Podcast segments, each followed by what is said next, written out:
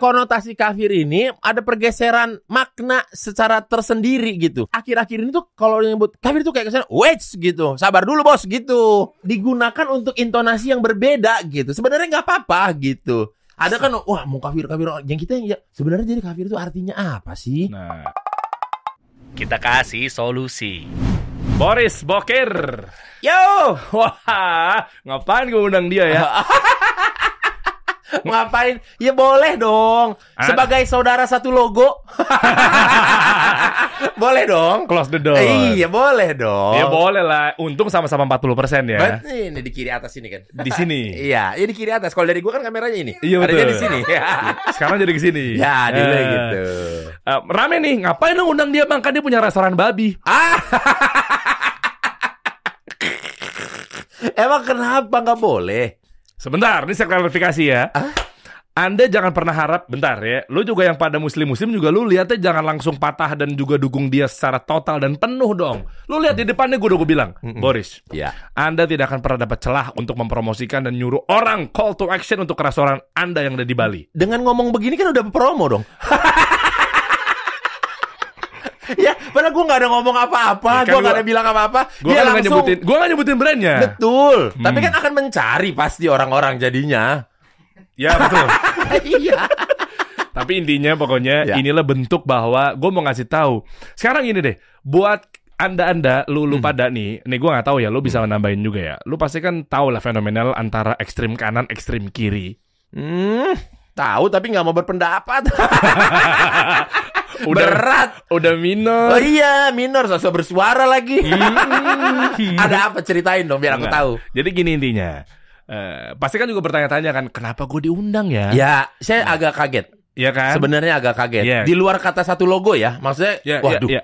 dari yang udah-udah kan eh, channel podcastnya nih kan, ya, ya kayak saya kayaknya nggak mungkin ada duduk di situ gitu. Jadi gini, jadi gini. Ini kita Ya. harus clearin dulu ya sebelum kita gali eh, sebenarnya eh, bisnisnya Boris nih apa? Dulunya adalah bapaknya pengusaha angkot. ya, ya. Ya kan terus apa lagi? Iya, nyokap jadi eh, Oh, Toko kelontong. warung planner. Ya, Warung planner. Warung planner. Iya. Nomor satu di Bandung Margahayu. Ah, ya enggak lah, maksudnya kalau di Margahayu di komplek orang-orang pada tahu lah kala itu. Tolak ukur toko kelontong di Jawa Barat. Aduh, kegedean, kegedean. Margahayu aja.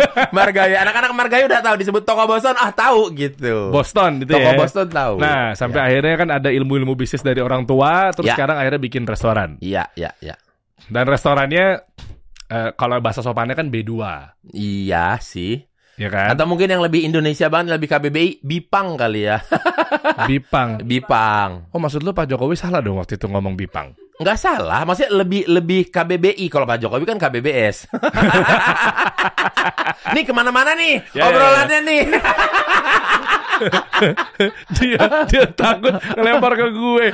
Gini, eh maksudnya tuh gue mau nunjukin bahwa gini, memang muamalah kan sama siapa aja. Lu ngerti muamalah gak sih? Yuk bisa Bismillah yuk. yuk Bismillah. Gue bilang nggak aja ya. Eh. Takutnya kalau dibilang iya, waduh gitu. Iya. Kalau- Muamalah tuh artinya arti sebenarnya apa sih Iya, pemahamannya? Nggak, sebenarnya lebih gampangnya adalah kalau berbisnis, Mhm. kolaborasi, Ya.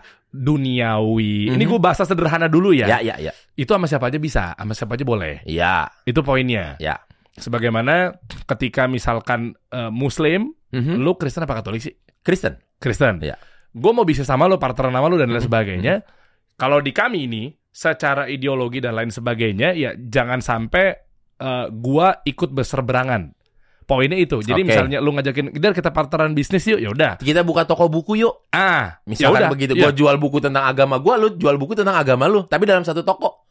Gua nggak bisa. Ah, Karena itu tolak ukurnya adalah tentang edukasi, pendidikan dan Oke. memang itu kan ranahnya kan udah buku yang gua berikan itu adalah tentang gue bisa menjadi golongan lo, gue bisa menyuruh orang untuk jadi pindah golongan dan seterusnya. oke. Poinnya itu karena masalahnya buku edukasi. Tapi kalau makanan kan semuanya juga makan, Oke.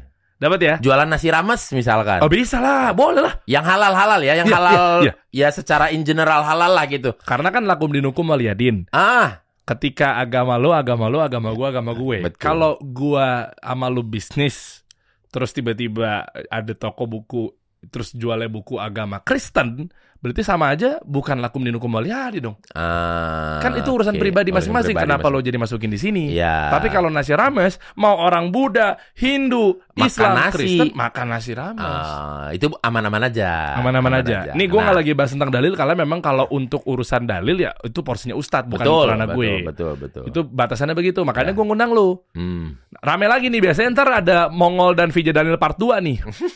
Tapi kayaknya gue eh, nggak seserem mereka, gue lebih santai kayaknya. Bukan masalah itu. Restoran lu. Oh, restoran. jangan dibahas terus. Oh iya iya betul. Udah betul. dibilang jangan dipromoin, Iya, iya. dikasih ruang terus. Iya iya betul. betul. Emang pada dasarnya baik orangnya ya? Emang yang jahat yang figur kayak gimana muslimnya? Bu, nggak tahu kalau orang jahat mah balik lagi ke pribadi orang Hmm. gitu. Pisau dikasih ke orang baik ya dibuat ngupas buah. Kalau dikasih ke Iya. orang jahat buat ngebunuh. Hmm. Iya kan? Ya, tergantung orangnya. Nah, kalau ini Mas Dery saya lihat eh, orangnya baik. Baik ya. Kalau lagi Ramadan misalnya tokonya buka, enaknya dikasih tahu atau digeruduk. Waduh, toko apa dulu nih? Warteg misalnya. Kalau toko pakaian masa digeruduk? diskotik. Ya, itu makan tutup dong harusnya. Oh iya. Harusnya. Harusnya. udah Cuma- udah deh. Udah jadi ke mana-mana Oh, iya, cuman. Saya ada ya. cumannya lagi. Iya. Oh cuma apa? Oh jangan jangan jangan. Ada peraturannya. Kalau yang melekat di hotel, fasilitas hotel, jadi nggak boleh ditutup atau nggak boleh gimana, tetap boleh tetap Eh, beroperasi. gue gak tahu kalau itu peraturan dari pemerintah kan kita harus maklumi dan taati kan. Iya, itu Nggak tahu peraturan. Makanya semua izinnya, ya izinnya hotel. Jadi bulan puasa ya pada buka.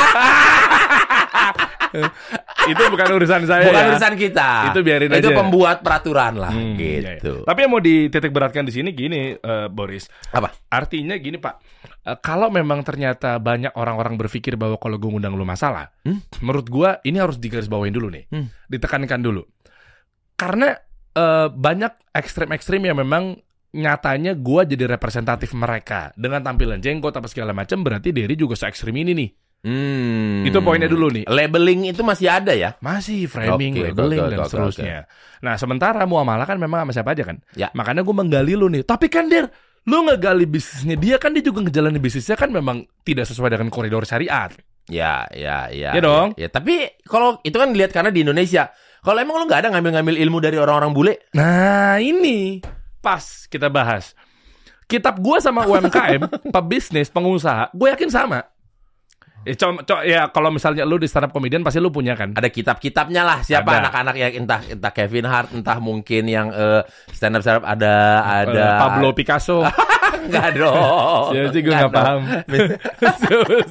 Itulah Pablo. Picasso.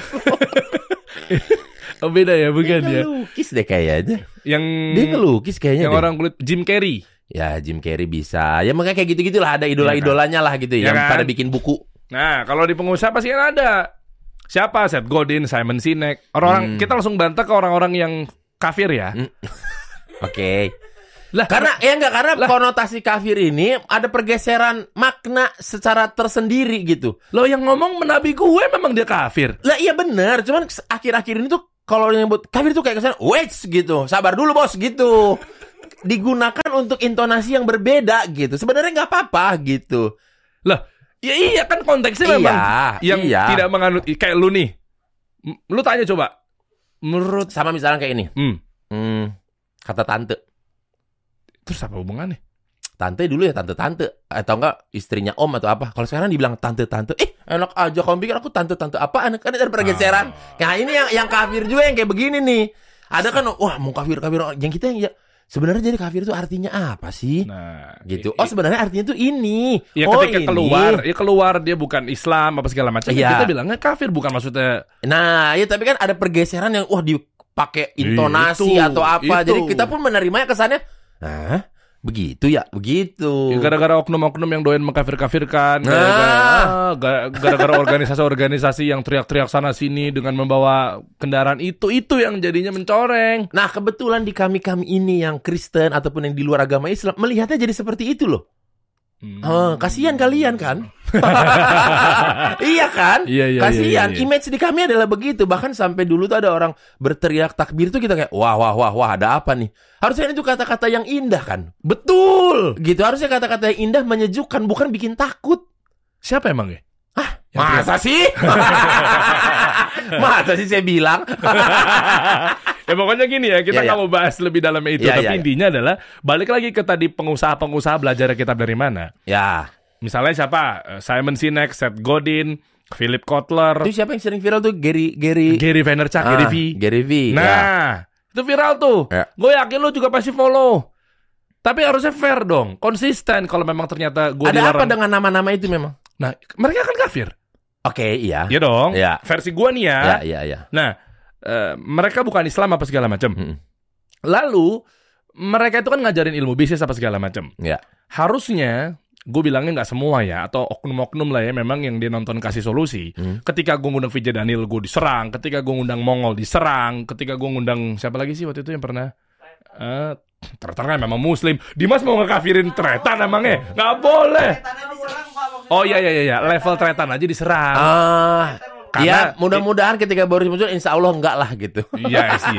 iya, karena kan niatnya baik. Iya, karena Tretan lebih melekat memang. Iya, niatnya kan saya baik, bukan ada niat mau mengabarkan Iya. Injil atau gimana gitu. Iya betul. Iya. Udah dicek kan tadi bajunya nggak ada. Nggak ada, nggak ada, nggak ada. Nah, itulah ketika teman-teman ngambil dari Gary V, Gary Vaynerchuk, terus harusnya konsisten dong. Lu juga jangan ngambil ilmu dari dia. Orang jelas-jelas usahanya dia adalah resto bukan restoran ya. Uh, wine, uh, wine tuh ngomongnya apa sih bukan restoran ya? Uh, toko minuman. Toko minuman, Toko toko, minuman. liker lah gitu lah, toko toko minuman ya. Toko minuman, toko wine. Ya, ya. Salah satu yang terbesar di Amerika. Gokil. Dan itu biasanya tokonya gabung tuh sama gudangnya. Hmm, Ada tempat ngetes wine-nya segala macem kan? itu nah maksudnya di sini tuh ada satu ilmu yang kita pelajarin. Mhm. Kita nggak menanggung dosanya dia.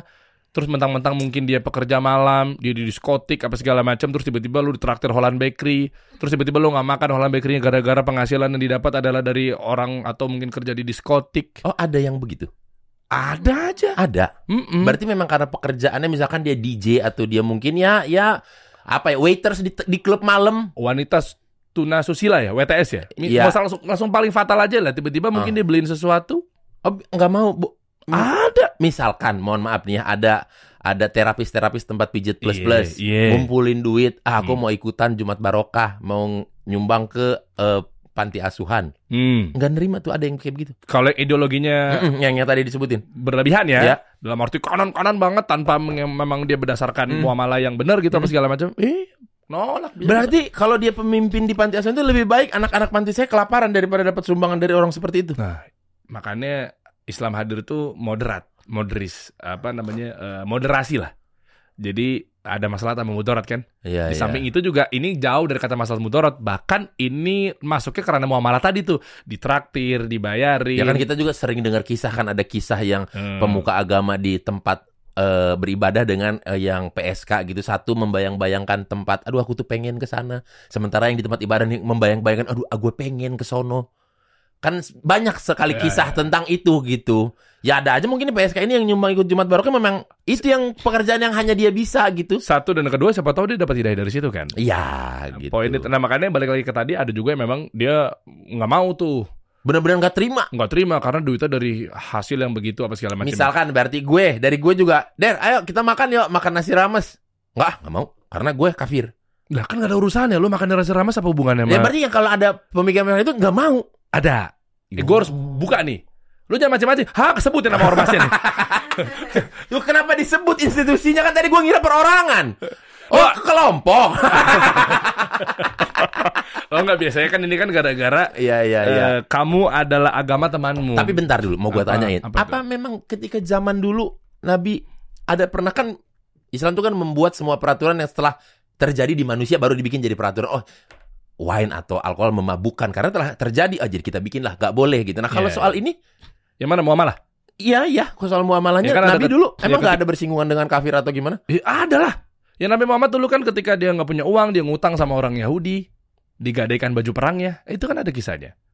Terus berarti yang ini dapat ilmu dari siapa? Nah makanya gua nggak tahu. Kok bisa begitu? Belajar di mana? ya kok bisa begitu? Nabi lu siapa?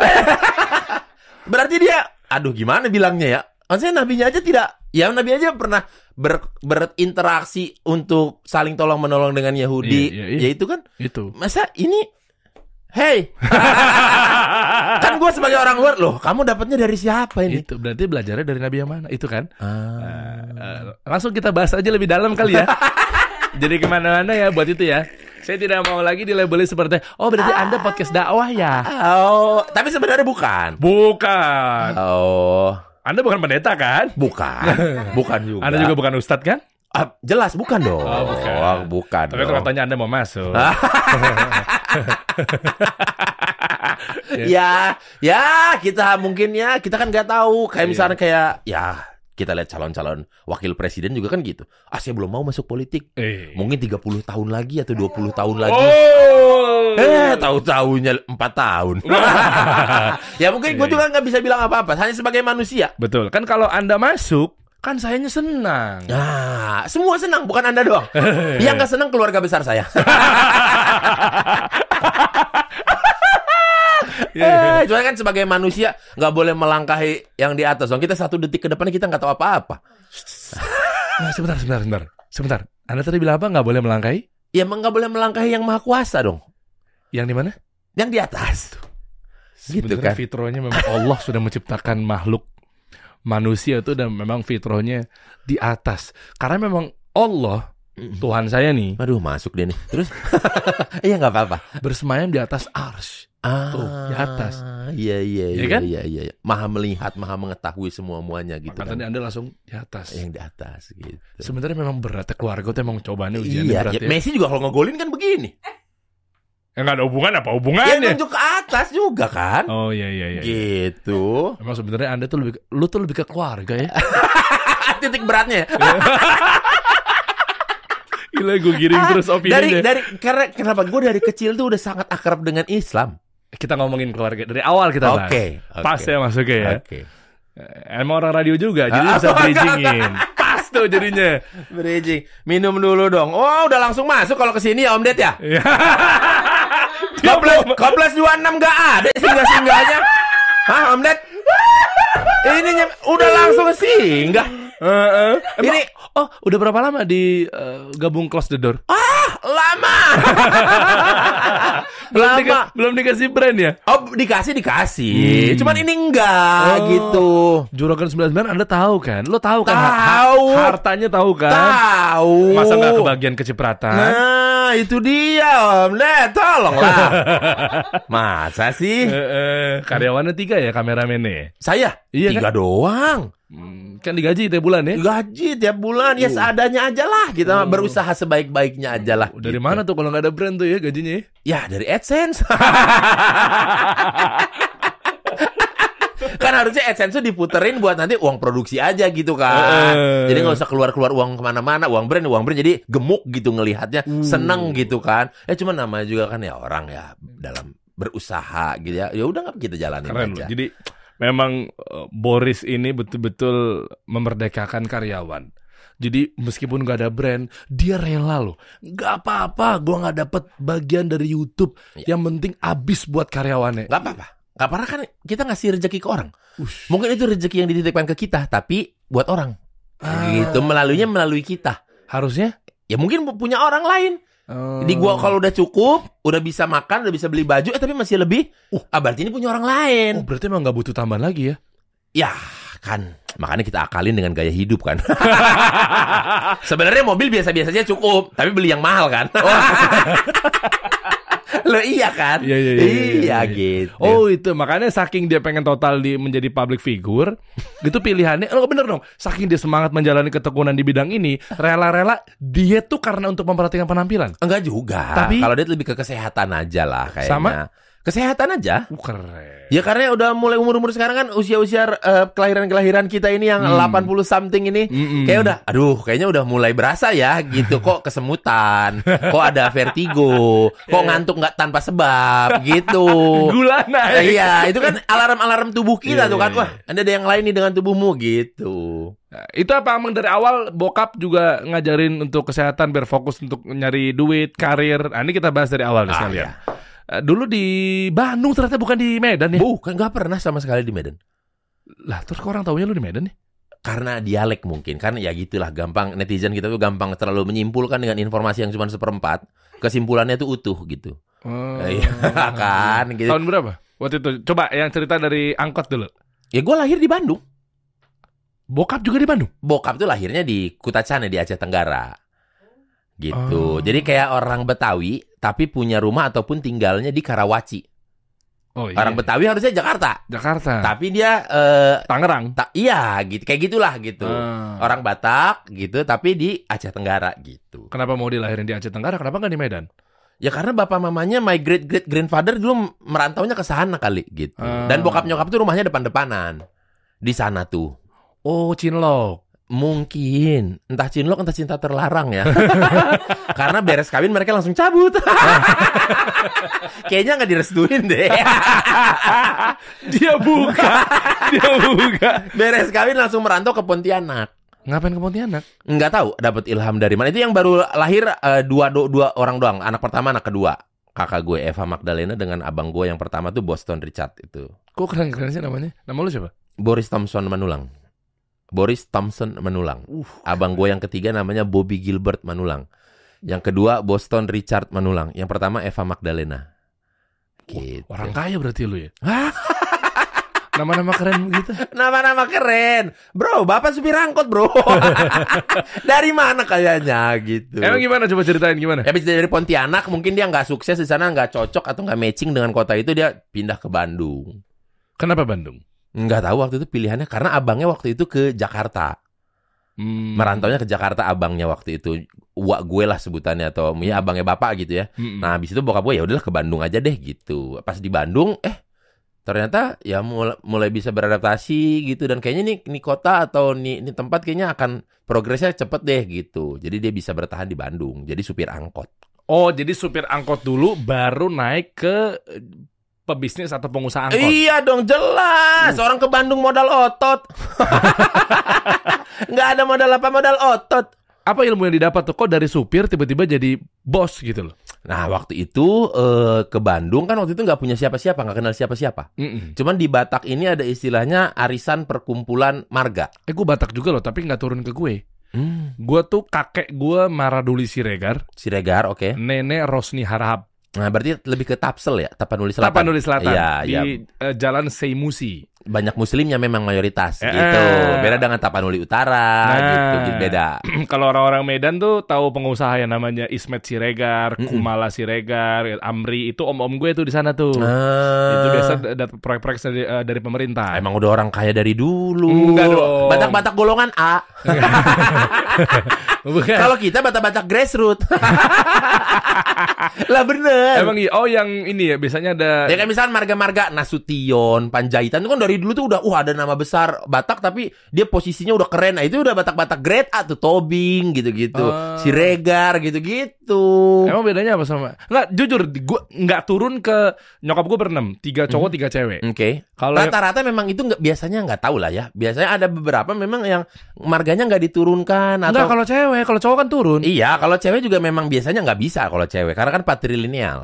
Heeh, nah Gitu. makanya tiga om gue tuh eh, Masih- tadi- masih tuh, ada. Di sini ada tuh di depan tuh lagi nunggu di depan tuh ada Ya. Ucok Siregar, ini Om Hmm, Ucok, mm, mm. Hotma Siregar, Ade Siregar. Itu turun ke anaknya tuh. Eh, iya, bawa bawa semua pasti. Nah, tiga ceweknya gue Oh, kalau dari yang- nyokap. Iya, kalau yang cewek nggak nggak turun biasanya. Itu makanya gue nggak turun ke gue. Hilang karena kan patrilineal. Heeh. Oke lanjut Gitu. Batak tadi. Ah, Batak, udahlah ke Bandung. Batak tadi apa katanya lu mau cerita tentang Batak apa? Arisan marga. Itu gimana tuh ya? Jadi kalau di Bandung, eh, di Bandung, di Batak itu ada arisan marga di tiap kota. Pasti untuk mereka kumpul-kumpul, ketemu teman-teman sekampung atau teman-teman semarga. Manulang tadi. Ada Manulang, nyokap gua kan si Ombing. Manulang ada si Ombing, nenek gua ada yang eh, marga Boru Parapat, ada yang Boru Siagian. Karena yang dari bokap dan nyokap gitu kan. Jadi ada Hmm. empat ada empat marga nih. Jadi seminimal minimalnya bokap gua langsung berpikir harus nemuin empat arisan ini. Biar ketemu mereka-mereka yang sudah duluan ke Bandung. Bukan duluan yang kaya. Bukan dong, karena dia nggak punya siapa-siapa. Hmm. Udah lah waktu itu nanya, oh ini, oh gini. Ya udah akhirnya kenalan kan siapa? Hmm, hmm. Oh iya baru ke Bandung kami, kami dari sini dari Pontianak, kampungnya di sini Lutacane, Marga Manulang ini istriku Boru Sihombing. Iya, mamaku borunya boru eh, Siagian. Kalau yang ini dari pihak eh, istri mam- mamahnya itu borunya boru Parapat gitu-gitulah. Oke. Ya kenalan namun di situ apa ya pekerjaan yang bisa kita lakukan? Emang skillnya apa? Nggak ada. Ini lucu. ya ya ya ya. Udah, ya nggak ada ya. Terakhir ya mungkin ya mungkin Waktu itu ada kerja-kerja serabutan gitu bokap tuh, bokap kerja serabutan. Saking serabutannya dulu nyokapku tuh sempet jadi masih agen eh G-Water. buk aduh ker- terlalu keren. apa ya bilangnya ya? Air Eh mineral. eh, apa zaman Soeharto tuh S SDSB apa? Togel. apa dulu sumbangan sukarela apa gitu kan dulu kan ada lotrenya pemerintah ada kan Nggak tahu gue. kala itu tahun 70 eh tahun 80-an Oh gue era Megawati lahirnya soalnya. nah it- itu juga gue diceritain Iya. dah.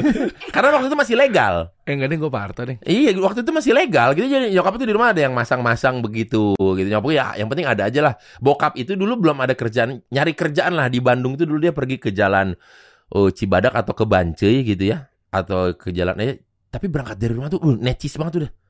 Udah kayak kayak Brad Pitt di Once Upon a Time in Hollywood gitu. Ah, ah, ah. udah keren gitu. Loh mau ke mana? Main catur. Ngapain main catur begitu? ya, main catur tapi biar mengimpress orang. Biar nggak dipandang sebelah mata kalau datang dengan compang camping. Oh. gitu walaupun dia non job freelance Oh gitu. tapi pakai kemeja dada terbuka kancing dua celana cut bray berwarna sepatu main catur gitu Oke. Main- dan main caturnya lumayan oke Jago tuh. lumayan jago dulu di komplek pun di Margahayu lumayan diacungi jempol gitu Ah. kan Batak juga banyak lah terkenal main-main catur ya gitu. Banyak, mungkin kalau sekarang lebih ke arah Jawa Tengah gitu kan main-main catur ya oke lanjut Eh, terus Iya mana? Oh hitam putih itu. ya enggak main catur kan emang hitam putih warnanya Oh iya iya. iya dong Kenapa tiba-tiba Jawa Tengah? Ya siapa tahu ada ada grandmaster grandmaster dari Jawa Tengah. Eh, Mas Utut Adianto tuh dari mana? Mas Utut dari mana? Mas Utut. Lu lagi nyari pembenaran kan? Gue cuma bilang main catur. Oh, hitam Boleh putih. dong. Hitam Semua- putih itu ya. Iya catur memang hitam putih. Iya, iya, gitu. iya. Udah habis itu ya bokap akhirnya menemukan lah temannya udah usaha angkot aja gitu. Jadi supir angkot bukan usaha angkot jadi supir angkot. Oh gitu tapi aku nggak ngerti bawa mobil. Jadi tiap tiap tiap tiap itu dia udah beres narik malam, colongan lah bokap, ayo dong ngajarin gimana caranya bawa angkot gitu. Uduh. diajarin, diajarin, diajarin, akhirnya bisa dan membisakan diri. Mungkin belum bisa sepenuhnya, cuman oke udah bisa lah, ini udah ngerti lah gitu caranya. Hmm. Mungkin mental-mental orang dulu kan ya udah berangkat aja gitu kan. Nah, Iya iya iya. Nah ternyata di supir angkot itu ada jenjang karirnya. Enggak lu bercanda, lu Ya bercanda. Allah, bener Jenjang ada. karir, jenjang karir gimana sih? Supir tembak. Supir tembak ini adalah supir serep freelance. Yang sistemnya go show ada standby di terminal manakala supir inti ini kelelahan kecapean. Dia gantiin Eh, lu gantiin gue deh. uangnya? uangnya nanti dapat fee-nya itu adalah lebihan dari setoran satu rit itu. Jadi kalau misalkan satu rit itu biasa satu rit itu dari terminal A ke B balik lagi ke A. Oke, Gitu ya. oke. Ya, itu Ah. disebut satu rit. Satu rit. Satu rit itu satu rit. Makasih edukasinya nih. Penting, penting sangat bermanfaat buat saya. Benar. Iya, Iya, iya. benar. Batak kaya ya, tolong ya. Iya. Yang dari kecil udah enak Bataknya gitu ya. Oke. Iya. Terus Eh sorry, sa- satu rit itu mungkin eh A ke Nggak B paham aja kayaknya. A ke B aja deh kayaknya satu rit itu. Lupa gue. A, A ke B apa A ke B terus ke A lagi ya? Lupa gue. Pokoknya si- Itu loh si- ya. Itu misalkan disepakati 20 ribu. Kalau dia dapat di situ 23 ribu ya 3 ribunya buat dia. kalau 40 ribu, 20 ribunya buat dia juga. Cuman kan nggak mungkin. oh. Angkot itu sekali berjalan kan ada puluhan angkot lainnya. Yang sejenis satu jurusan dan yang berlain jurusan yang Oh, ada di iya. satu jalan. Makanya gue sering nemuin dia tuh kayak nyodok-nyodok-nyodok gitu Iya, kan. gitu. Nyodok lain lagi istilahnya. Istilahnya lain lagi nyodok. Apa Jadi kalau kita dari terminal A nyampe ke B nih terminal. Ah. Itu kan biasa ngantri tuh di terminal. ngetem. Iya, bukan ngetem yang ngantri urutan siapa nanti yang dinaikin oleh penumpang. Iya, iya, iya. Nah, Ah. ada istilahnya nyodok tuh udah beres turun penumpang, udah muter lagi turun lagi ke bawah. Oh, Dia nggak mau ngantri. Iya nyodok biasanya ngasih tip dulu ke yang jaga di situ yang jaga terminal untuk menyodok itu kena Pungli. charge Pungli ya, ya. pungli. Hmm, pungli sih nggak nggak liar soalnya emang ada ada ketentuannya gitu Oke. gitu. Habis itu udah dikuasain, terus Ah, yang tahu pertama nih. tadi apa? Eh, kastanya pertama eh, Supir tembak. tembak. Habis itu dia melamar lah ke yang punya punya angkot saya sudah bisa saya gini-gini jadilah supir angkot batangan. Batangan tuh apa? Seminggu kan ada tujuh hari. Heeh. Supir ang batangan itu adalah empat hari. Kenapa batang? Batangan batangan yang utama. Oh, utama. Oke. Iya, sama supir yang serapnya yang tiga harinya. Oke. Biasanya ditentukan dari level senior atau enggaknya. Kalau senior lebih banyak. Ya, dia milihnya pasti hari kerja, Senin, Selasa, Rabu, Kamis, udah. Oh. Anak sekolah, orang kerja, Iya, ibu iya, kepak. Jadi penumpangnya full banget banyak. Nah, kalau yang tiga hari ini terakhir Jumat, Sabtu, Minggu ya biasanya yang muda-muda atau mungkin ya secara senioritas kalah lah gitu. Dikasih ilmu sama Boris loh. Sesuai dengan judul kita ya, cara menjadi supir angkot ya. Ya, siapa tahu ya Episode kan. ini kan episode Iya, ini judulnya iya, itu. iya. How to be. How to be. How to be Eh, Oke, gitu. habis itu Habis naik itu- lagi. Naik lagi Bokap-bokap dari bawah tuh. dari dari bawah itu. Dari bawah itu akhirnya dia jadi Bagus tuh, supir kan? batangan itu mulai mengetahui oh gini sistemnya. Hmm. Mempelajari dengan setoran dapat segini, bisa saya sisihkan segini, keluarga bisa hidup, bisa makan. Apalagi kalau saya punya ya. Kalau saya punya ditanya berapa harganya kalau mau saya beli ini angkotnya. Kala itu itu kijang-kijang kotak zaman dulu. Tahu tahu. Harganya sekian. Oh bisa dicicil ada ini ini. kebetulan yang punya angkot juga ya willing mau gitu untuk melihat orang tuh seneng kayaknya dia melihat orang tuh ya udah beli aja ini Pak Melvin gitu. Oh. Dibelilah.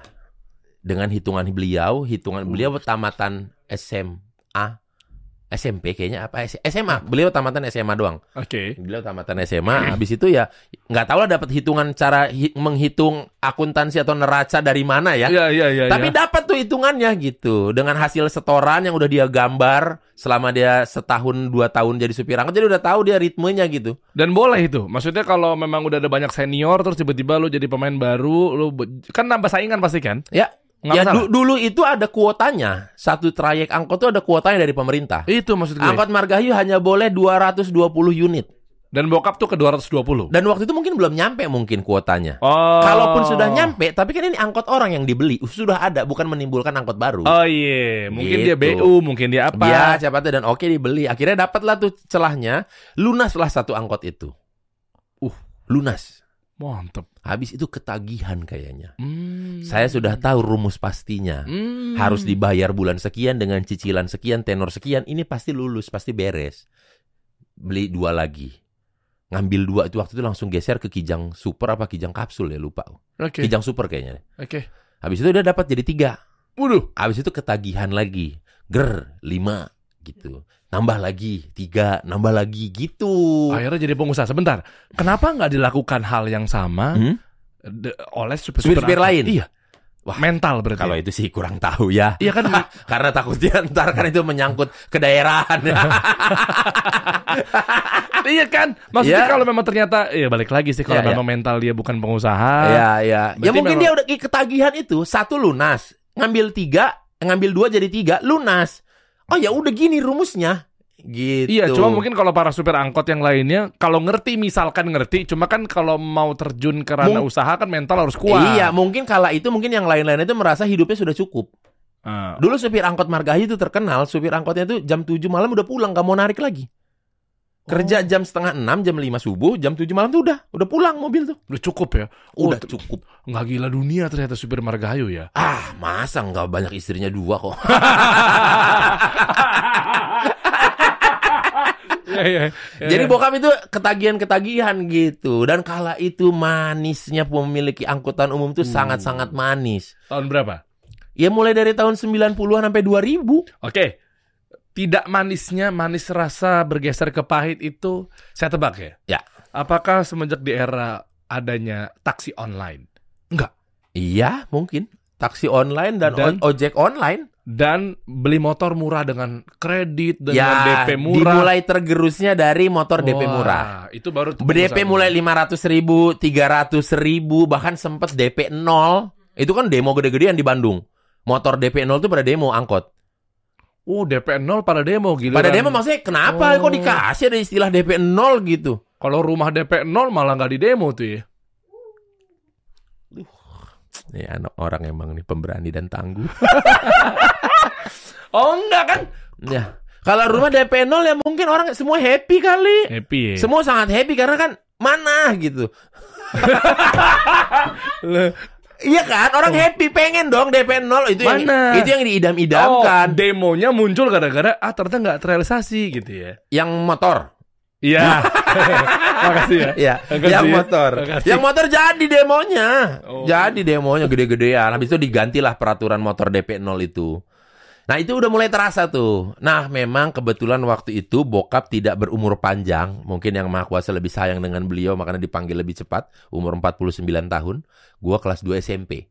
Nah, waktu itu nyokap lah lagi lagi gencar-gencarnya mengembangkan si warungnya ini. Oh, jadi paralel. Iya paralel dong. Jadi lu punya orang tua pengusaha, satu pengusaha angkot, satu pengusaha kelontong. Iya. Oh, keren. Uang dari angkot. Uang dari angkot untuk membesarkan eh, apa ya? Untuk membesarkan usaha. Kelontong? Kelontong itu buat kehidupan sehari-hari. Iya, berarti modal kelontong itu kan dari eh, Angkot profit, juga. profitnya angkot, kan. juga. Cuman kan memang gede banget profitnya. Ya setoran dulu itu di sempat ngerasain setoran kita itu adalah 110 ribu sehari.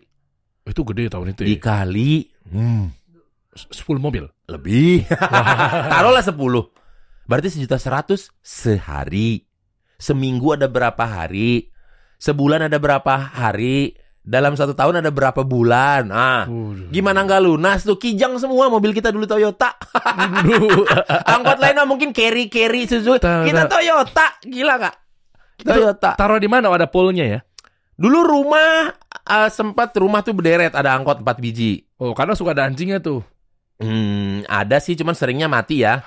Kenapa? Ya memang mungkin udah takdirnya kali. ada bakso tapi ada jarumnya gitu. Wah, ya ada-ada aja pagi-pagi udah berbusa gitu. Oh, Mm-mm. oh ternyata persaingannya luar biasa ya. Nggak persaingan sih itu kayak orang nggak seneng aja gitu. ya kan kayak gitu kan? Iya, giliran kucing ya sembarangan ya nggak ada yang komplain gitu. Mobil lecet gitu mau gimana Ah. ya kan? Kucing tapi ya udahlah dia kucing gitu. Iya. Ya kan? Iya, iya, ya, iya, itu iya, mengenai iya. kucing dan anjing ya. Iya iya Iya iya habis itu ya udah. Waktu itu bokap lagi wah lagi semangat-semangatnya bekerja, angkot itu wah, lagi gede-gedenya dan di beliau itu dari supir, pengusaha tiba-tiba ya gitulah ada lumayan sedikit berpolitik juga. Oh, partai apa? Enggak, di partai angkot. jadi di diusung oleh teman-temannya yang sejawat supir angkot udahlah Pak Melvin aja yang jadi ketua kita. Apa Jadi sih kan itu- politik apa sih maksudnya? Itu kan bentuknya kan koperasi si angkot-angkot itu. Oh. Bentuknya koperasi. Jadi Pak Melvin aja lah jadi ketua kita, ketua perkumpulan angkot Margahayu ini. Kan basicnya mereka koperasi. Oke. Gitu sampailah ke tingkat yang lebih pusat lagi yang mengurusin eh, mungkin disebutnya KPU juga ya. Cuman bukan KPU pemilihan umum, lebih ke apa? Mungkin kalau di Jakarta kayak organdanya gitu lah. Oh, itu sendiri ada pada wakilnya?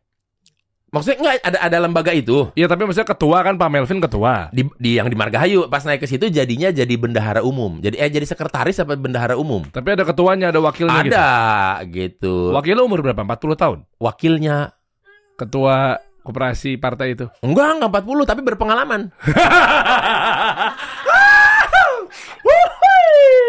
Nggak peduli umur ya. Enggak, yang penting berpengalaman Hmm. gitu. Pernah melakukan atau pernah menjabat dan dipilih berdasarkan pemilihan yang resmi gitu. Hmm. Pengalaman nomor satu umur mah gak nanti nanti lah umur. Yang penting pengalaman. Hmm. Pengalaman. Pengalaman. Didukung sama keluarga kalau pengalaman. Iya dong. Pengalaman. Pengalaman. Iya, bener kan? Iya. Maksudnya kan pengalaman pasti kan gara-gara ibunya sering support, bapaknya sering Iya, support. benar. Dan Nonton di sama- acara lomba. Bener dan keluarga juga ternyata mensupport gitu. Hmm, Ayo dong, ayo dong, ayo dong gitu. Kalau walaupun anaknya nggak mau ya, gitu. Anaknya nggak mau cuman keluar, ayo bisa deh, bisa deh. Eh tuh waktu di rumah kan bisa nyanyi. Ayo sekarang nyanyi, ayo sekarang nyanyi. Oh. Tapi di tempat yang lebih gede gitu. Eh mama nggak mau. Eh di rumah kan bisa nyanyi. Ayo, ayo nyanyi, nyanyi. Oh. Sambil dicubit paha belakangnya dikit. Ayo nyanyi, nyanyi, nyanyi, nyanyi, nyanyi. Jangan bikin malu mama. Nyanyi, nyanyi gitu. Gitu. Eh Mas jangan ke situ-situ Mas. Iya, iya, Kan lagi iya. bahas keluarga saya nih. Bukan keluarga yang lain. iya gitu. Mau nyokap tuh waktu itu wah eh, warungnya itu sama bokap udah dikasih dikasih visi misi gitu. Wih. Kita boleh lah warung awalnya warung sayur biasa lah gitu. Cuman lama-lama be- berevolusi menjadi toko kelontong. Karena kan modal lumayan ada banyak. Jadi bisa Ah. belanja banyak dan bisa belanja lengkap gitu. Jadi di Margahayu itu terkenal tuh Boston. Kala itu belum ada minimarket minimarket. Dulu saingan kita cuma satu Sarina. Kan itu gede banget Sarina. Loh, emang minimarket Alfamart sama Indomaret belum ada? Belum ada dong tahun lap- eh, 90-an itu. Nggak ada. Itu kan masih ke warung beli. Iya iya iya. Bu, beli. Iya, iya. Masih gitu. Oh, Nggak iya. ada yang ting nong. Nggak ada. Nggak Oh, iya, nggak nggak ada. ada, ada. Cenit, cenit, seken nggak ada. Nggak, iya bener ya, masih beli. Nggak ada. Beras masih ditimbang sendiri. Yang kalau lagi minyak, nung, minyak iya, masih iya. dipanasin biar bening. Habis itu set. Kalau udah kelamaan, wah ada putih-putihnya. Iya iya iya. minyak iya. goreng masih begitu kan. Terus nunggu ibu-ibunya keluar kita mainin beras tuh. Iya, mainin gini-gini. Eh, adek jangan. Iya iya iya. Diruncingin lagi. iya. Eh, iya, iya, iya. Diruncingin lagi. Kalau seri apa disuruh beli minyak tanah gimana? Hmm? Disuruh beli minyak tanah da- dari rumah bawa dirigen? akan saya warung. Saya yang Oh, menerima biasanya. Tahu ya. Oh, saya yang mau beli. Iya, yang mau beli biasanya. Bang, ke warung beli minyak tanah gitu Ah. kan. Bawa dirigen kan dari Iya, rumah kan. dirigen. Itu didengkul-dengkulin tuh. Iya, dang dang sambil jalan Sambil gitu. Dang dang dang dang. gitu. Ada pagar rumah orang kaya di le- lewatin aja pakai tangan. Iya, gitu main-main. Udah mau 40 umurnya ya. Ada ya gitu. Waktu itu bokap udah udahlah kita bagusin ini warung gitu. Jadi dibagusin ada dengan cara ditutup semua pakai kaca. Jadi rumahnya dibangun jadi gede, jadi dua tingkat. Waktu itu belum musim ruko, tapi bokap udah berpikiran ruko, rumah toko. Jadi lantai satunya toko, lantai duanya rumah. Uh, visioner bokap ya. gitu. Keren. Jadi toko tuh sebawah selantai itu dibikin toko semua. Loh kayak minimarket Alfamart dong ya. Iya, sebesar itu memang. Tapi pintunya kan pintu ngelos kan. Pintu depannya. Kan nggak ada pintu kalau toko kelontong. Nah Pi- iya, tapi semua dikacain. Jadi tengahnya tuh dibikin kaca kayak kaca bank gitu. Oh kayak Kaca bening tebel. kantor bank yang Iya. bu- bukanya begitu. Iya buka begitu yang kalau dibuka ada ngruk, nggak ada gitunya Eh, dulu iya, ya, iya, iya, ya iya. gitu. Yang kata kaget tuh. Iya grek gitu. Keren. Lah iya makanya dulu lumayan namanya itu toko Boston tuh orang-orang kenal di di di di komplek tuh tahu gitu. Masih ada? Nggak ada dong. Udah nggak ada nyokap waktu itu udah capek.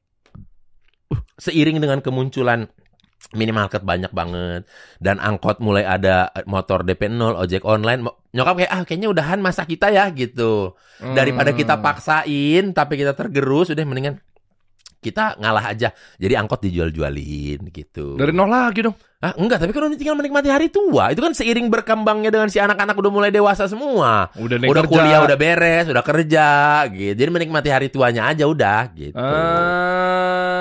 Gitu tentang bisnis bisnis itu. Ilmu itu dicontek, dipelajarin bagaimana kepusingannya, keribetannya Hmm. sampai akhirnya sampai akhirnya sekarang nggak ada yang nempel.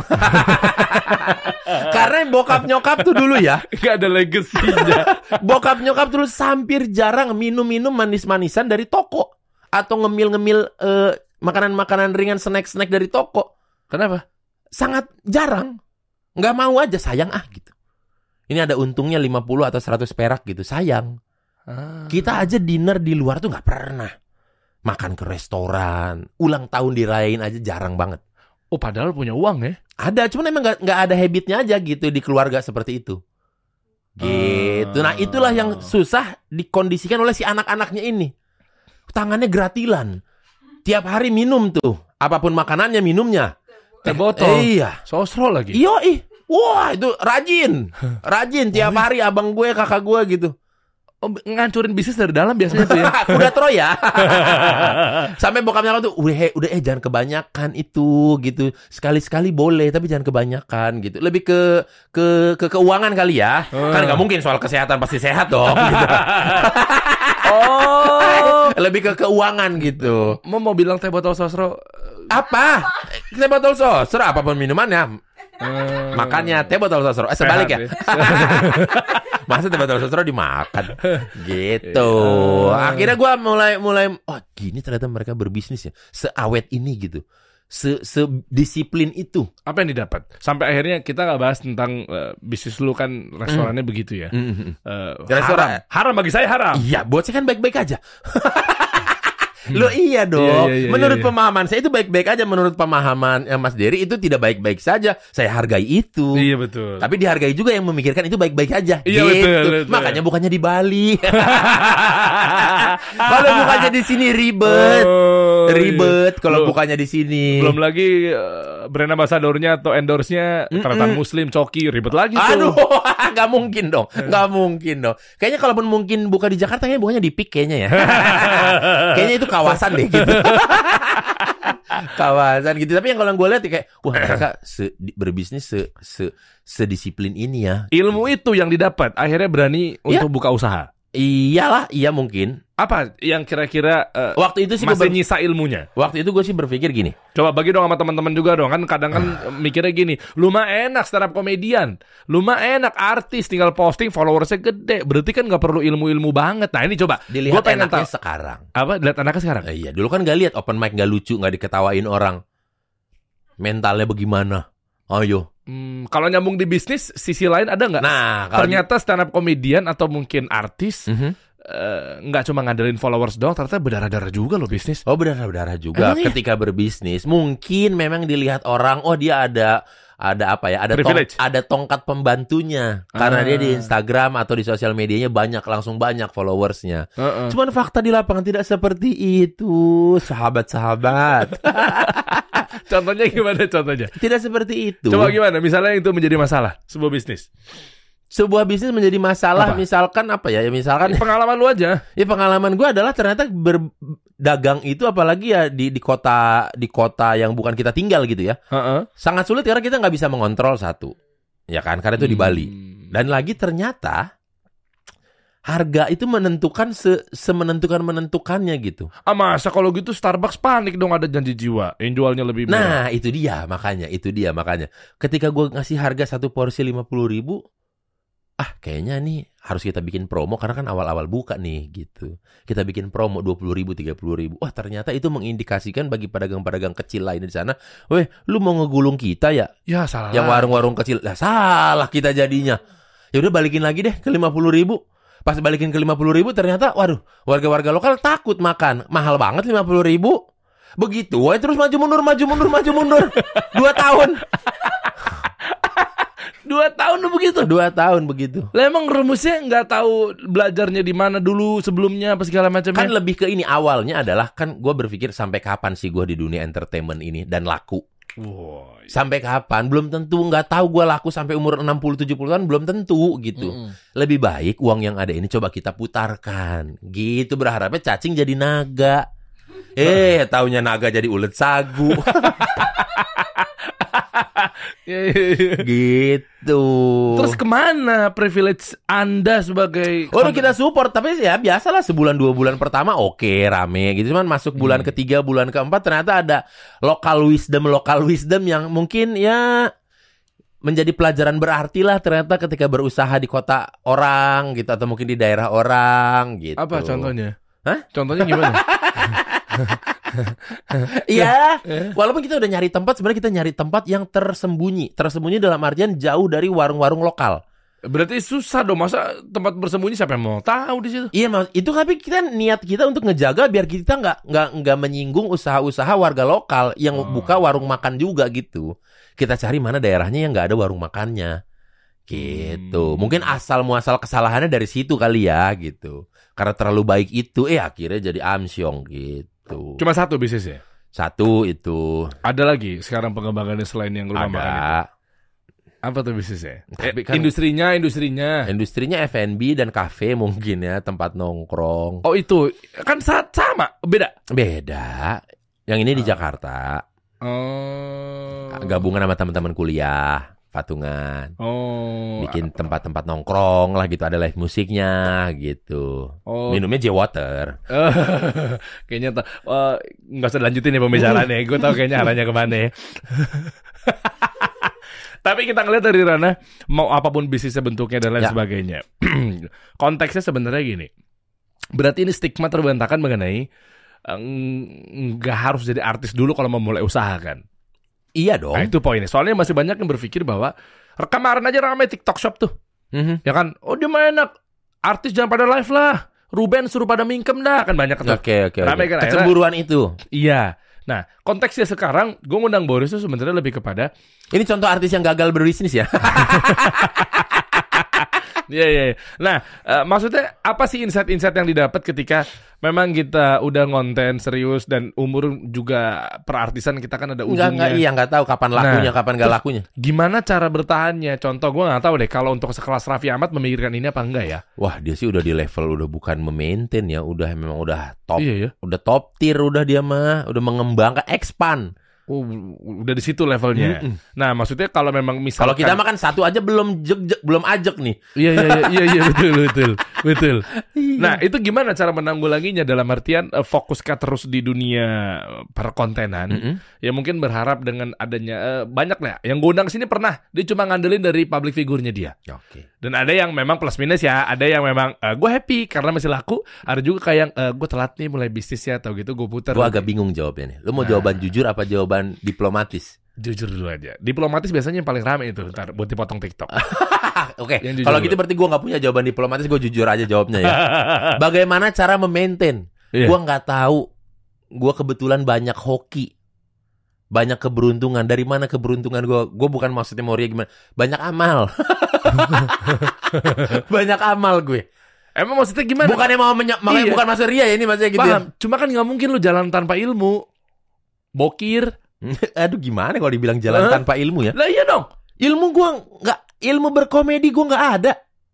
Nggak ada gua ilmu berkomedi. Ilmu yang sat- satu-satunya yang terakhir gua dapet ya di perkuliahan doang ketika belajar menjadi mahasiswa hukum. Kepake nggak? Kepake enggak? Kepake. Cuman tanya anak-anak hukum sekarang, belajar kuliah habis kerja, kepake enggak? Capek-capek belajar lah, putusannya lain, Pak. oh, jadi hukum di Indonesia masih bisa diotak-atik ya? ya, banyak kok yang mengutak-atik.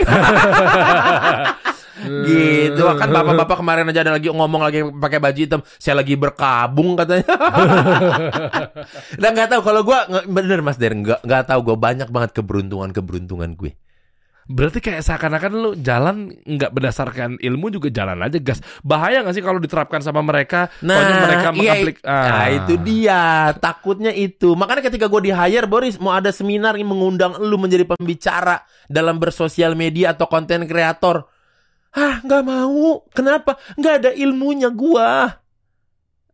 Beda dengan yang ketika duduk di sini Jordi Onsu. Memang jelas dia kuliah di Harvard Business School. Ilmunya jelas. Itu Mas Dery makanya kenapa gue takut diundang lu ke sini. Nggak ada ilmunya. Nggak ada.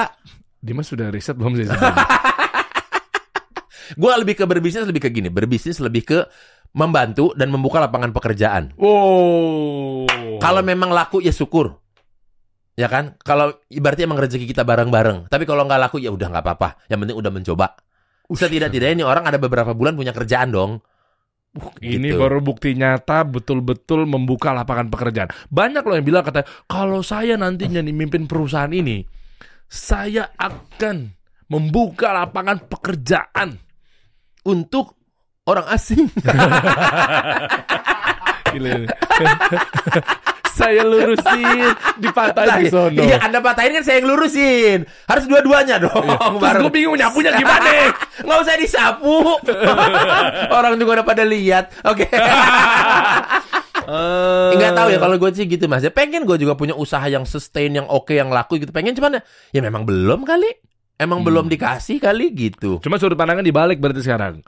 Berarti kalau gitu ya tetap aja kita jadi ngandelin dunia entertainment. Enggak juga. Enggak juga. Bahaya itu justru. Iya. Coba sisi negatifnya dunia entertainment. Kita Sisi- balik. sisi negatifnya dunia entertainment. Sisi Iya. negatif tentang apa nih? Ya apa pun misalnya karir, ada pemain baru, ada yang lebih muda, lebih Ah, ganteng. Oke. Ah. Dalam dunia stand up komedian itu tiap hari muncul komika baru, stand up komedian baru muncul. Nah ini, Bahkan kayak penyanyi tiap hari muncul, Hmm. banyak pesaingnya gitu. Jadi gue coba untuk membenturkan nih. Mhm. Jadi buat yang tadi Jahat misalkan, ya, David at Emperor ya. misalnya ada orang yang eh, mengandalkan langsung amal-amal aja tanpa ilmu misalnya. Mhm. Nah ini efeknya kita lihat nih, misalnya contoh, gue jalan aja deh. Maksud gue gini, bukan berarti di sini ada satu hopeless dari Boris bukan. Bukan, bukan. Mungkin di sini juga pengen belajar juga lebih Pengen dalam mengenai bisnis. juga, ya. Nah, tapi gue balik polanya. Ya udah kalau gitu coba deh kita coba misalkan sekarang total aja sambil berjalan nih nggak Mhm. mau keluangin waktu minimal misalnya tiga bulan gue pengen belajar bisnis gitu. Mhm. Karena mungkin jadwal jobnya dikasih terus apa segala macam gitu ya. Tapi gue mau tahu dengan kita jalan di hanya di dunia entertainment ya kuncinya hanya nih ya hati-hatinya di mana? Nah, tadi stand up comedian baru. Iya, ya mungkin Oke, bukan terus? stand up, bukan stand up komedian baru. Maksudnya walaupun ada banyak stand up komedian baru, tapi di kulturnya di anak-anak stand up tuh nggak ada saling sikut menyikut untuk menahan juniornya biar nggak maju. Bahkan Ah. ayo kita support, kita bantu gitu. Berarti bukan ketakutan dong di sini. Nggak ketakutan, nggak ada ketakutan. Terus regenerasi terjadi itu buat apa? Regenerasi terjadi ya biar biar biar Nggak bosan. seninya ada terus gitu. Tapi kan ada Jadi nggak boleh nggak boleh di stand up tuh nggak boleh wah ini paling lucu. Ya lu nggak boleh lebih lucu dari dia ya nggak nggak ada begitu. Iya, tapi kan pada dasarnya kan nanti kenyataannya nih, secara takdirnya mah ujungnya pasti akan ada Akan ada yang Generasi. berhasil, akan ada yang kurang berhasil Iya, gitu-gitu kan. dan regenerasi pasti kan. Iya, regenerasi betul. Cuman ya dari dulu kita udah diajarin sama senior-senior kita sama Panji, sama sama sama Radit gitu, sama Eres sih ketika misalkan komunitas mengundang, ya udahlah kasih aja harga komunitas. Tapi ketika corporate ya kita nyari duit aja di corporate, kasih harga corporate gitu. Dan kalian yang udah gede-gede namanya jangan dimurahin harga kalian, tapi mahalin biar yang bawah bisa naik harganya. Ah. Kalau yang kalian senior-senior udah pada punya, punya nama murah, yang di bawah makan apa? Ah. Ketika makan apanya nggak ada ya seninya jadi orang sedikit peminatnya bisa bubar seninya nggak ada regenerasinya seninya habis.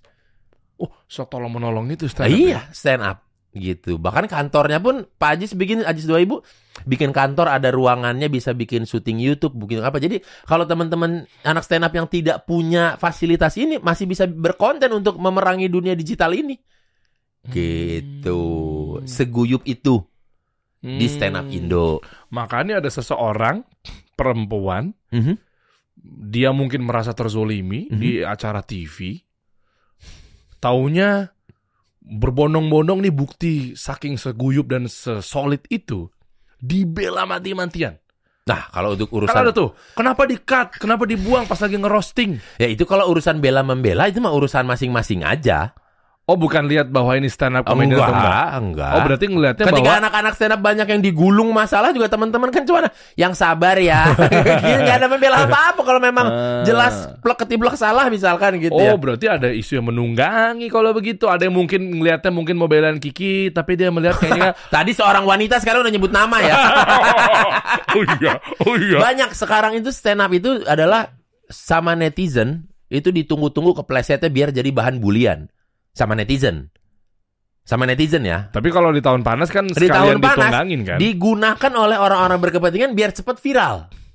Gitu. Hmm. Jadi banyak banget yang pengen deket ke anak stand up ini ya deket dalam artian ada yang pengen membuli, ada yang pengen menunggangi, ada. Bahkan di hire juga anak-anak stand up untuk support ke calon-calon itu kan? Bisa, sangat-sangat bisa. Itu kembali ke pilihan masing orang-orang lagi gitu. Hmm. Gitu. Cuman ya ketika di stand up, ya ketika dunia entertainment tadi Mas Dery bilang sampai kapan gua akan ya ya gue juga nggak tahu nih sampai kapan. Ya mudah-mudahan Bahaya loh kalau nggak ada ininya. Ini sudut pandang gue Iya, ya, bisa iya, jadi gue salah ya. Iya iya. Kalau tidak ada perputarannya, maksudnya kayak Iya. backup plan-nya gitu. Iya nggak harus bisnis, misalnya Iya, mau iya. investasi doang. Iya, iya. Apa pun itu yang mungkin beli rumah apa segala macamnya. Ya itu itu adalah sudah jalan itu Mas. Jadi ketika yang ini gagal, ya keran ada keran yang lain. Oh jalan ternyata keran yang ini ada lagi gitu. Wah ini Walaupun dikit-dikit dikit-dikit tapi ya adalah lumayan melek lah gitu. apa ke rumah kos-kosan? Ikan bener kan? Biasanya ke situ kan kalau nggak ada bisnis Tapi ini bisnisnya balik lagi rame-rame lagi. Apa lagi? Banyak Ad- banget. Ada buka tempat makan di Bogor gitu. Oh, Tempat makan ama ama ama Gading, ama Norman ada ada namanya Full Belly Sport. Jadi tempat makan gede gitu tapi pun ada tempat akademi olahraganya juga. Gitu. di akte siapa aja? Ya di akte ya banyak kan. Banyak kan ya? Mm-mm. Oh jadi nggak cuma yang di Bali ya? Mm, nggak Bali beda lagi. Makanya kan beda-beda kan kerannya. Ternyata sisi lain sesuai dengan judulnya nih ya. Sisi lain stand up atau komika Boris Bokir. Enggak, nggak usah begitu-begitu. Kan banyak Porsinya kecil kok. Porsinya kecil. Bali, makanan Bali. Mm. Terus di Jakarta. Bogor di Bogor. Bogor. Iya, Jakarta juga ada kan? Iya, ada. Bogor. Ada. Terus Beli-beli obligasi ada. ada. Ada. ada Invest-invest di yang di yang di apa? saham sukuk gitu. Iya, gitu-gitulah, tapi kecil-kecil aja karena kan itu biar iseng-iseng berhadiah aja gitu. Biar jangan kalau hilang tuh nggak siap. Ah, hilangnya udah siap karena ya gitu-gitu. Nah, misalnya kayak yang usaha itu juga gue diajarin sama nyokap. Tolong kalau mau bikin usaha itu benar-benar harus uang dingin. Jadi kalau nggak balik lu nggak gila. Lu nggak kepikiran. Hmm, anggap uang hilang. Iya, eh beneran hilang kan. Lu anggap sih. Ih, tapi ah, udah ikhlas dari awal kan, udah siap dari awal mental. Nilai Iya. berapa biasanya angkanya? Yang mana? Ya mau naro-naro di mana nginvest-nginvest saham. Ah, ya segitu-segitu aja lah. Heh. Dia takut gitu. pajak deh. Hmm, Bukan bukan takut pajak, Oh, bukan. Nga- ngapain dia bilang-bilangin Oh, ke iya. oh orang. masya Allah. Gitu. Lebih baik mendingan ya digunakan ya Jumat ikut nyumbang buat nyumbang-nyumbang makanan, Minggu nyumbang buat nyumbang-nyumbang makanan, gitu. Dilakuin aja semua udah gitu. Kok main hari-hari doang sih? Ah? Jumat, Minggu maksudnya apa? Ya Jumat Minggu karena mungkin itu yang banyak orang bagi-baginya kali. yang warung makannya siap hari itu. Oh iya iya. Ya iya, kan iya, kita iya. nggak enak juga. Iya iya. Dan iya. dulu itu konsepnya si warung makan itu juga gua membantu warung-warung makan yang terkena dampak pandemi waktu Uh. itu. Yang warung-warung makannya kan warung makan itu biasa dekat sama kosan. Ketika pandemi, kosannya kan kosong pada pulang ke rumah karena WFH kan. Nggak ada yang beli nih si warung nasi. Iya. Ya udah dah saya beli ya. Gitu hari Jumat, bagiin aja gitu. Emang keren. Jadi everybody happy dong. Iya, Ibunya iya, ada yang beli, yang yang lagi hari Jumat yang lagi beribadah gimana, ada ah ada nasi gratis gitu. Makanya udah dari awal gue udah bidik ternyata sekarang sangat peduli terhadap negara ini negara plus 26 kan? 26. Plus 26 kan? Iya. Nah, iya. makanya ada satu media buka dong, coba dong plus 26. iya tuh. Nih lihat ini. Gue pernah mampir nih. Oh berapa Eh, gue pernah ngelapor Pak Kadif tuh, ini cuplikannya. Sengaja gue munculin. Jadi mau nggak mau lo harus tayangin gue. kan ada kan, ada kan. Kata Iya. Om Ded juga yang duduk di Om Ded juga katanya ada yang nggak tayang tuh. Ah masa sih? Heeh. Kok gitu Hamdat? Nggak. Hey, bintang tamu siapa yang nggak tayang? Lu justru belain gue dong. nah ini plus 26 Gue pernah mampir di situ Pengaduan-pengaduan kemarin gue ngadu tuh Tentang UMKM di Indonesia gimana nih nasibnya nih Ya, Nah, ya. Ini ya, kan ya. nih Ini punya lu ya? Ya, ya, ya. Eh, Ada Om Ded juga kan di sini kan? Ada, ada Om Ded. Close the door Oh Iya. kalau yang satu lagi Podcast agak lain Agak lain, beda lagi itu berempat. Potskui Potskuy itu Beda lagi Kui Entertainment. Oh laku loh Kakinya ada tiga. ya balik lagi diajarin kerannya harus banyak dan nggak boleh sejenis gitu kan? Dari orang tua begitu ngajarinnya. Ah. Satu angkot, satu warung, masa isi dua-duanya drop? Ah. Hanya bisa dua-duanya drop mungkin ketika pandemi kali ya gitu. Ya amit-amit jangan sampai lah gitu. Oh ada strategi juga Jadi di mana mana tuh masuk Ya kalau bisa usahanya jangan sejenis lah gitu. Kan satu sa- media-media juga tiga-tiganya Nah, iya untuk yang ini, maksudnya untuk yang, yang lain kan ada juga yang lain gitu. Oh, ya tadi ya misalnya kayak FNB apa segala macam F&B ya. gitu-gitu lah adalah. Ini berarti tayangnya sama nggak? Ada strategi-strategi khusus nggak? Kan kasih solusi kan sehari setiap hari itu posting itu. Gokil sih, kasih solusi gokil. Eh? Bisa loh dia tiap hari. Ya kan kesibukan gue fokusnya di sini Ya, mayoritas. Gue seminggu dua kali. Itu aja udah pusing nyari bintang tamu. Hmm. Udah pusing nyari bintang tamu seminggu dua kali. Makanya kemarin gomlo-gomlo dah gitu ya. Enggak, enggak gitu, enggak gitu. enggak gitu, bukan gomblo gomblo. Em- Emang mau ngundang gomblo dong. Kok mentang-mentang dilapor Pak nggak terlalu mencolok. Eh, enggak gitu dong. Ya harusnya enggak akan diundang dong. Buat apa mengundang? Harusnya. Tapi karena emang ini kan channel YouTube gue, jadi yang gua gua mau-mau aja yang gua datengin. Gitu. Orang terpilih ya. Iya, kalau di tempat lain kan mungkin bekerja. Jadi siapa pun bintang tamunya harus kita makan, kita sebagai host. Tapi kalau di tempat Ah. sendiri yang mau yang gua mau-mau aja. Uh, keren, orang terpilih loh. Ya kan, abis Derry gomblo. Hmm. Udah pikir-pikir kok dua-duanya nggak kuat gitu ya. nggak bingung mau ngundang bintang tamu kan? Enggak Iya, iya, iya. Ya tapi ya gitu lah. Gitu. Ya ya ya. Nah ini kita lihat ternyata logonya juga ada di sini juga teman-teman. Ya. Eh, boleh tipis? Tipis-tipis nggak terakhir? Eh, deal-dealan sama Om Deddy juga lu ambil kenapa? Pengen tahu aja versi lu. Em, Nah ini nih, ini kan dari sudut pandang bisnis. Ini Oke. kan, kan channel ini khusus Ya. sebagai bisnis. Iya, iya. Ini terakhir nih. dari sudut pandang Iya. bisnis, bagaimanapun kan gua awalnya tidak punya YouTube.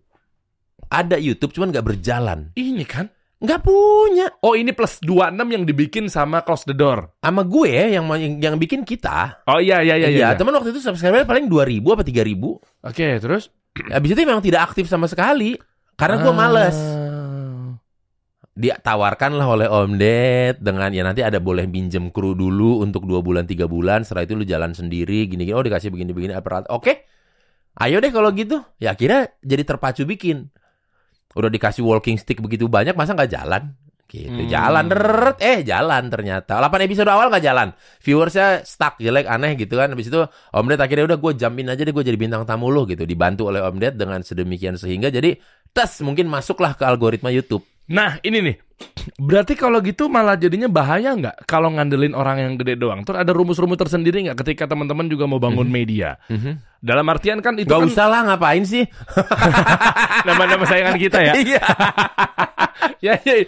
Maksudnya kan berharap sama satu orang gede. Ya kebetulan waktu itu posisinya Deddy Corbuzier itu masih pesugihan YouTube Waktu itu Waktu itu. Waktu itu wah dia tuh kan memang jarang nongol di luar di channel-channel orang jarang ada mungkin sekali dua kali doang. Gua Tapi ketika dia yang bintang tamu dar gitu pasti langsung bintang tamunya oke jadinya viewsnya. Nah waktu itu ya dibantu itu lalu tuh bintang tamu yang lain yang ganti konsep akhirnya kan. Dulu bintang tamunya kan gua sama terus. Cuman ganti-ganti gimmick orang. Cuman ya udahlah akhirnya diputuskan ganti strateginya harus ganti orang tiap bintang tamu gitu. Hmm. Akhirnya berjalan.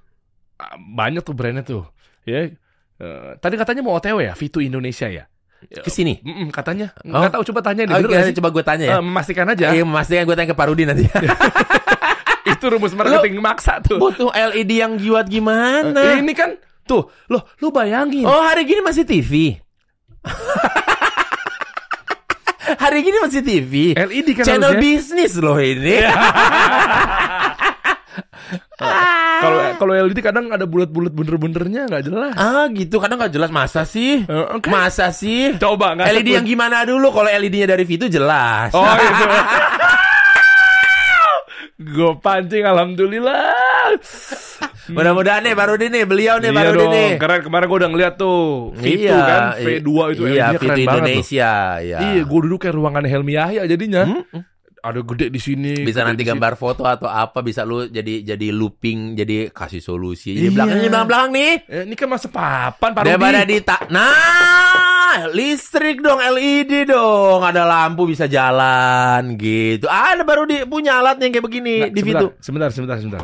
Ini antara pisau bermata dua nih. hmm. Kalau yang pertama kan, oh iya Pak Rudi parah ya, harusnya diganti sama LED kan. Mhm. Dan yang kedua, gue agak takut. kenapa? Begitu ketahuan duit udah masuk, Hmm? begini masih pakai triplek. Tadi dia nanya, duitnya lo bawa ke mana?